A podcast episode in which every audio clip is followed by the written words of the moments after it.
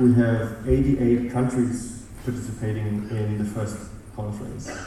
Um, we have over 100 virtual delegates who are now watching in the live stream. Um, so this is something we learned from the pandemic um, that we can be more inclusive and reach a wider audience if we stream and get people from remote locations into our community.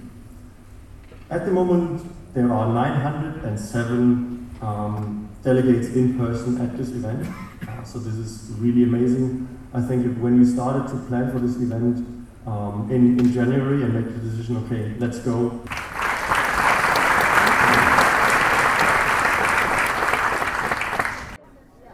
Welcome to 239 episode of Cyber Cyber Podcast.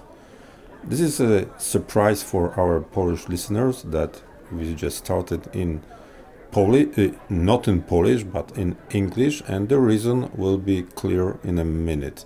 For our English spoken listeners, you are hearing Polish podcast episode Cyber Cyber, the podcast with the longest history in Poland, more than 200 episodes, and this episode will be in English because there is a special reason. We just came back from Dublin, and Dublin this year hosted 34th edition of First Conference. First is the absolutely the largest CSIRT community around the world, about 500 teams from all continents. This time they came to Dublin, more than 900 delegates from the teams and those who are interested in joining first community also not only first member. That was a great opportunity to have many discussions especially to listen to many interesting presentations. In dublin one of the most active team was luxembourgish team CIRCL computer incident response Center Luxembourg, the team very well uh, known in the world, and probably most of you know this team, even if you are not familiar with the name, you are probably familiar with MISP solution.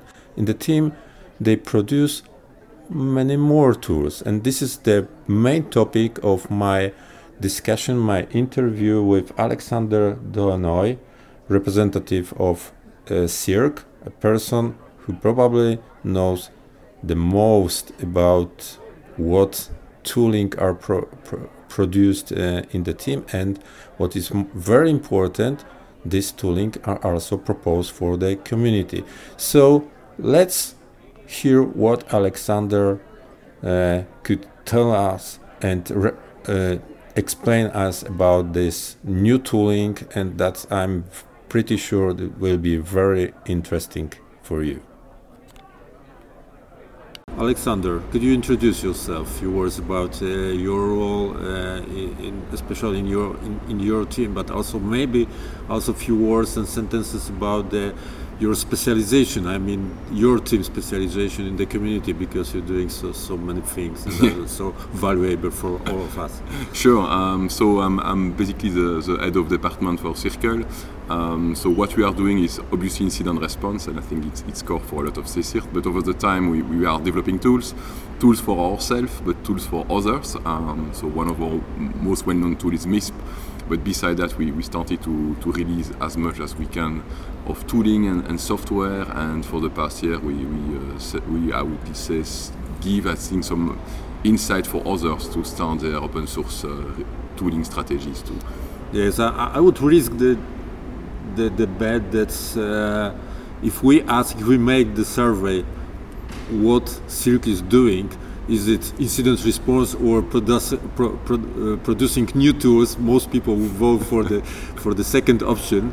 So uh, this is a good opportunity, maybe to uh, give an update to the community, also our listeners, about uh, because everybody, I think, knows knows MISP, but uh, MISP is still in development and there's some improvements. So maybe uh, we could make and add that what I'm asking you for some update about the MISP, but also new yeah. tools and which uh, also partially you presented here in, in, in Dublin for during the first conference. Yeah, indeed, it's a good opportunity. So MISP is an old tool, I would say nowadays. It's past, past 10 years that we are working on it.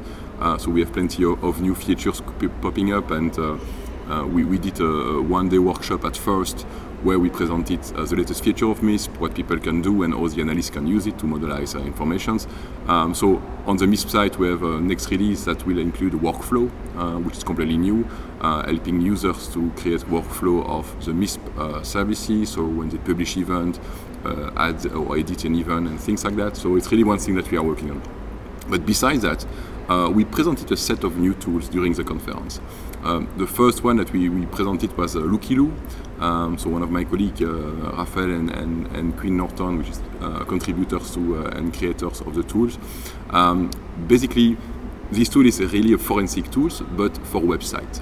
And it's quite quite uncommon, I would say, because usually you have a lot of forensic tools for disk, network acquisition, things like that. But this one is really focusing on analyzing websites. Uh, it's giving you a very nice overview of all the activities when browser is basically browsing a website, including JavaScript executions, cookies, and stuff like that. And you can be very surprised that a, a simple access to a simple website is containing number of redirects and so on. It's really useful for um, detecting phishing, finding uh, similar campaigns on, on, on website and so on. Um, so this tool is, is, is new, it's again open source, everyone can install it, and we even run uh, public services. So if you go on lookyloo.circl.lu, uh, you might even test any website that you like and see how they uh, behave. And that's interesting because it's nowadays we, we have seen a lot of people that are afraid to basically run one of the links that they receive, which is I think quite obvious uh, and, and, I think security conscious. But on the other end, you can run it uh, directly with Lookyloo and on the, on the web interface. So that's one of the tools. Um, another one that we presented, and, and, and, this one is a tool that we developed for the past uh, more than two years now under an European project called MeliCERTes, um, which is a tool for more, um, I would say, supporting directories, sharing groups, and orchestrations uh, for communities. With, with the advent of MISP, we have more and more people having like a lot of MISP instances, they are building their communities, but it starts to be difficult to manage all the organizations, especially the sharing groups and, and, stuff like that. So we decided to develop a software for that to support one network, which is a CSIRT network, so which is an equivalent to the first network at, I would say, a smaller scale, but under the NIS directive.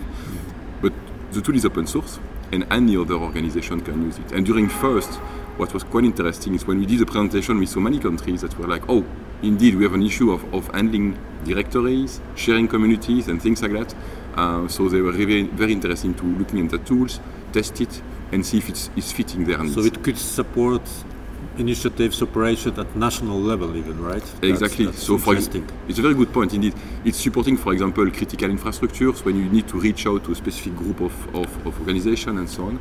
Am I guessing right if I say that that tool could be also quite nice idea to use in the sectorial environment, like for potential sectorial CSIRTs? Exactly. So when you have a CSIRT, like in the, for example, for example, in the financial sectors, industry sectors, chemical, you name it, um, you can really use Cerebrate as a kind of, of, of, central point, and it's even distributed. So Cerebrate is exactly work like MISP. So you can synchronize nodes, you can have directory synchronizations, and so on, and it's already integrated into MISP. So that means if you have like multiple instances, you can support, for example, the uh, gathering of organizations, handling of those organizations, the sharing groups, so to have like uh, centrally manage those kind of distributions, and it's, it's ease the pain, I would say, of some sectorial CSIRT or ISAC that need to manage this kind of, of group.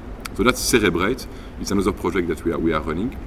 And I would say more the recent one, or I would say baby one. Uh, it's one that we started uh, some months ago called HashLookup.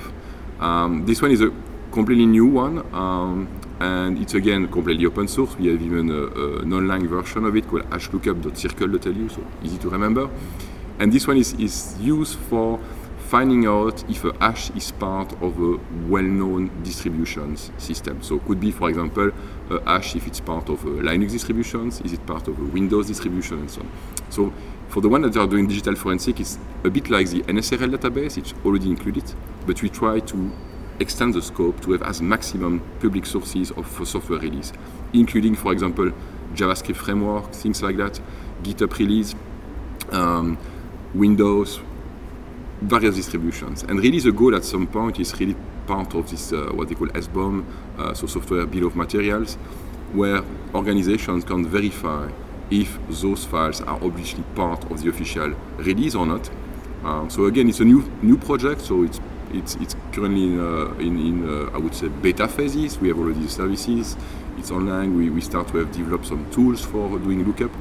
Uh, and in addition to that, we, we are extending it to, to provide privacy-aware data structures uh, like Bloom filters to be able to do offline lookups.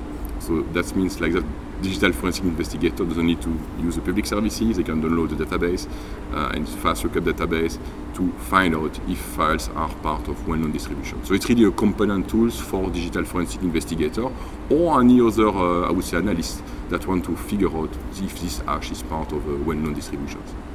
Okay, nice. Actually, I'm always wondering. I think many, many, teams, many many people are wondering how uh, you organize your work within your team to be successful with producing so many tools. Is it like a, side work, or it is uh, like a like you have this uh, ambition to, to, to produce as many tooling for things you do yourself uh, that then at the end of the day the, the, you can provide almost every year something something new to the community. It's a very good question but i think we, we have a, a mindset which is i think coming from the open source world. And every time that we design something we always think okay it's not only us it's others too. And if we can make it beneficial for the community we make it open source. So technically i know a lot of, of other CSIR that are producing tools but they always think should we open source it or not? And I mean, if I were have one advice to give to any CSIR that at first, if you have a tool somewhere and so on, don't be shy.